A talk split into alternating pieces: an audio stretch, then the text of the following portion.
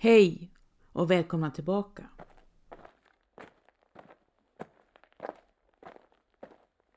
Dödsstraffet för barnamord togs bort 1864. Men då hade det inte använts på över 30 år.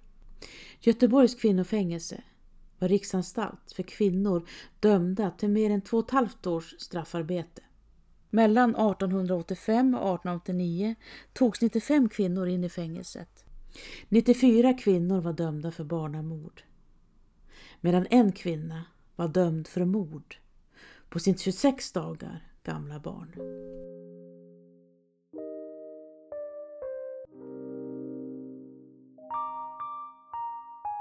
Barnamord var fortfarande ett problem för samhället och det vanligaste brottet bland kvinnor.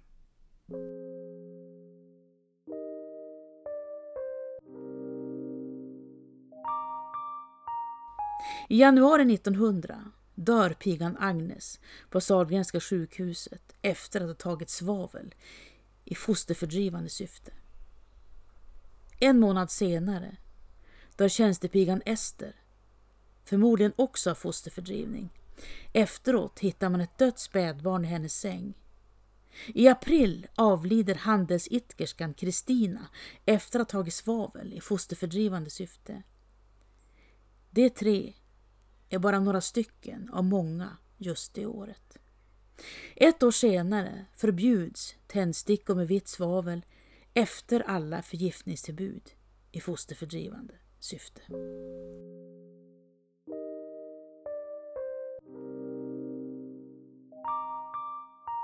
–1910 ger sig debattören och journalisten Hinke Bergegren ut på en föreläsningsturné med temat Kärlek utan barn. Hur kommer det sig att de fattigaste familjerna har flest barn? Frågar sig Hinke. Föreläsningen som pågår i tre timmar drar fulla hus och handlar om barnbegränsning och ansvar. Hinke refererar till några fall av barnamord och säger Tänk vad hon måste ha lidit. I flera månader hade hon vetat att hon omöjligt kunde skaffa fram vad ett litet liv kräver. Föräldrar bör inte ha fler barn än de kan försörja och älska. Och männen ska ta sitt ansvar och inte låta slumpen avgöra hans barnalstring. Hinke ger exempel på familjer om 10 till 12 barn som saknar en ordentlig bostad, som är fattiga och medellösa. Kritiken låter inte vänta på sig. Omoraliskt osmakligt. Enda Socialdemokratiska kvinnoförbundets tidning Morgonbris och Gävle Dagblad är någorlunda positiva.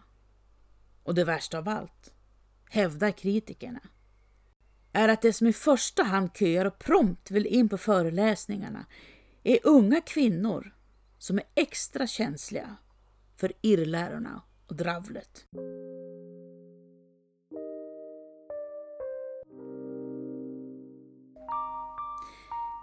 Hinke stoppas. Han fängslas och en ny lag kommer till. Lex Hinke, som förbjuder propaganda och upplysning om preventivmedel. Myndigheterna befarar moralisk lössläppthet och för få barn annars. Men, säger Sancho Panza, men, svarar Don Quixote, preventivmedel är tillåtna. Bara man inte pratar om dem.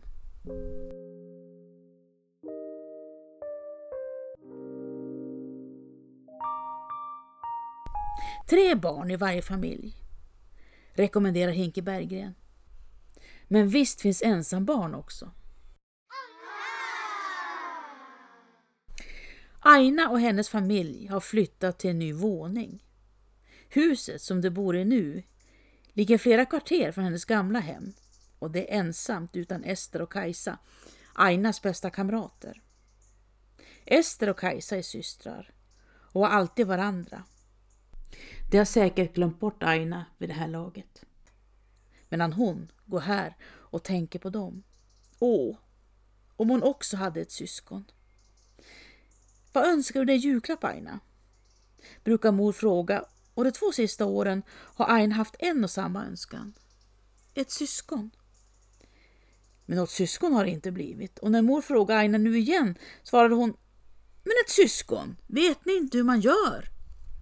Mor blev vit i ansiktet och smällde till Aina över munnen. Det enda som är roligt i den nya våningen är vattenklosetten.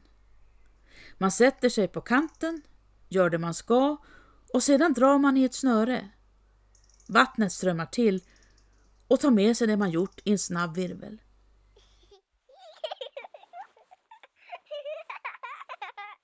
Aina har börjat en ny skola också. Gerda och Thea heter hennes nya bästa kamrater och det är också systrar. Just det, systrar.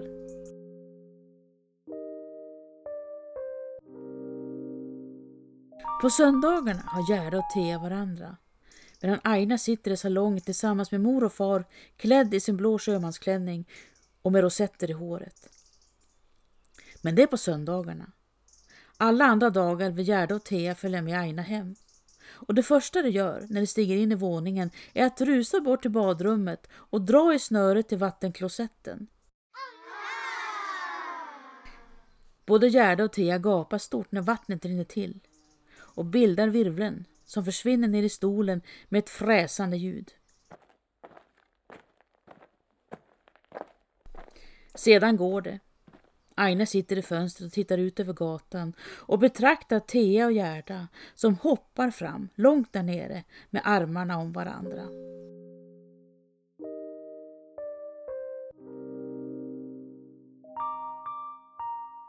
Rösträtt för kvinnor har debatterats länge och 1884 kommer det första förslaget som röstas ner. Några av argumenten mot kvinnlig rösträtt är att kvinnans plats är i hemmet. Kvinnligheten går förlorad och hemmet ska inte vara en härd för politiska kvinnogräl, hävdar motståndarna. Kvinnans hjärna är inte skapad för politik och det kvinnliga psykets nyckfullhet leder till hastiga beslut. Kvinnor har en tendens att alltid följa med strömmen. Se bara på modeindustrin. Dessutom har kvinnor varken tid eller lust att ägna sig åt politik.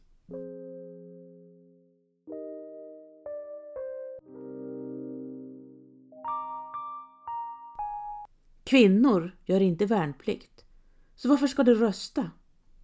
Kvinnor och proletärer kan inte tänka klart. Och kvinnors kjolar är så breda att om kvinnor ska sitta i riksdagen måste bänkarna byggas om.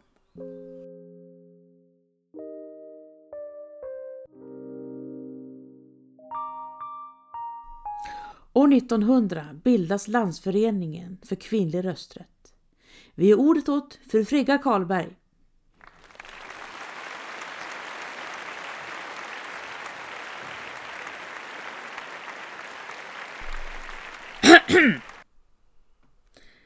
Allra först får jag be mitt ärade auditorium att inte anse mig för gammalmodig. Jag smickrar mig med att vara en fullt modern nutidskvinna. Jag tror på allt möjligt frisinnat, men inte på politisk rösträtt åt kvinnor. För det vore att förneka mitt kön. Politisk rösträtt åt kvinnor är en revolt mot naturen. Beakta dessa damer som sitter här i salen. Naturen säger nej. Mannens lagar säger nej. Guds röst ropar nej. Det är politisk rösträtt som gör mannen till man och frånvaron av politisk rösträtt som gör kvinnan till kvinna. Om kvinnorna finge politisk rösträtt skulle man ju inte längre veta vem som var man eller vem som var kvinna. Och tänker, om en kvinna tar på sig en mans rock och byxor och tar hans käpp och hatt och cigarr och går ut på gatan. Vad händer då? Jo, polisen tar henne och kastar henne i fängelset. Varför inte hellre bli hemma? Ett av argumenten varför kvinnor icke skola ha politisk rösträtt är att kvinnorna är änglar och deras vingar får icke besudlas av politikens dy. Min man kallar mig ofta ängel. Därför är jag en motståndare. Ja, mina vingar ej fläcka vill, till deras renhet hör mannen till. Tycker ni inte det? Kvinnor förstår sig inte på politik. Om de finge politisk rösträtt skulle de inte veta vad de skulle göra av den. Kvinnor, systrar.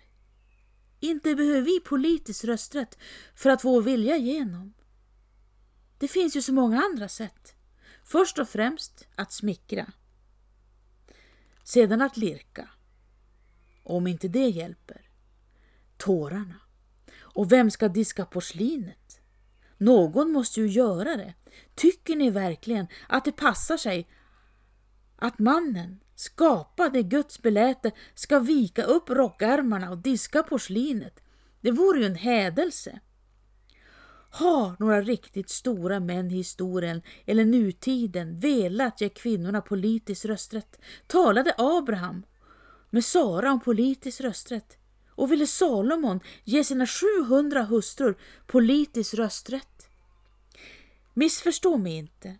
Jag tror visst att kvinnan kan gå till en valurna och lägga dit en bit papper. Men besinna hennes svaga nerver och ömtåliga nervsystem. Är det inte bättre för en kvinna att få sina nervanfall i hemmet än på en offentlig plats? Äktenskapsskillnad och död, brott och förhärjande sjukdomar. O, oh, mina vänner, jag känner, jag känner så intensivt att jag inte kan tänka.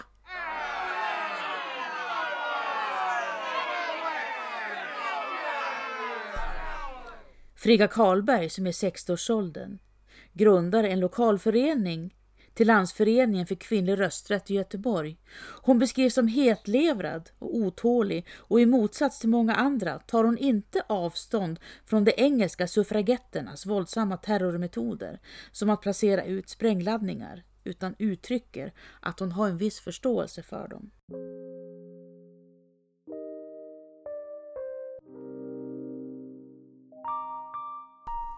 Med tiden blir argumenten för kvinnlig rösträtt allt fler, även bland män.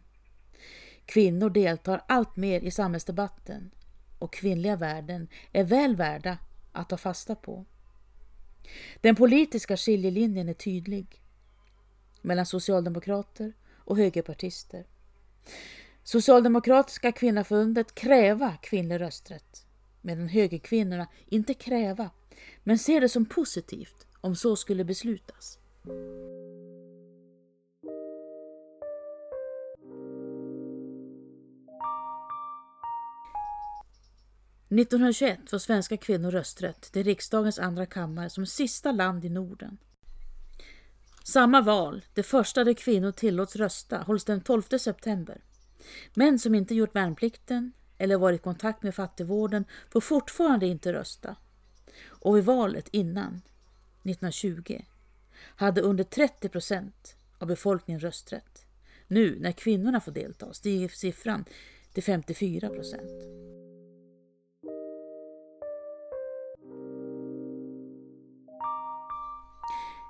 Vi föreställer oss Gustav Adolf för Holmsund och hans andra hustru Selma.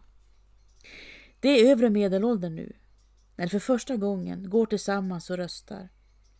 Gustav Adolf röstar med högern och Selma gör nog detsamma. Ett tidigare förslag hade varit att istället för att ge kvinnorna rösträtt ge männen en röst i kvinnans ställe. Vad ska det här vara bra för? suckar Gustav Adolf. Selma tar på sig hatten. Ja, det är inte mitt påhitt, svarar hon.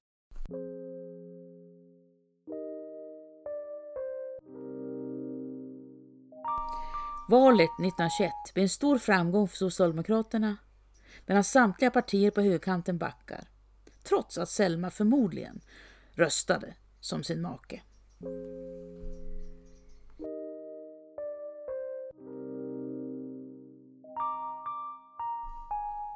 Det var allt för idag. Tack för att ni lyssnat och gott nytt år!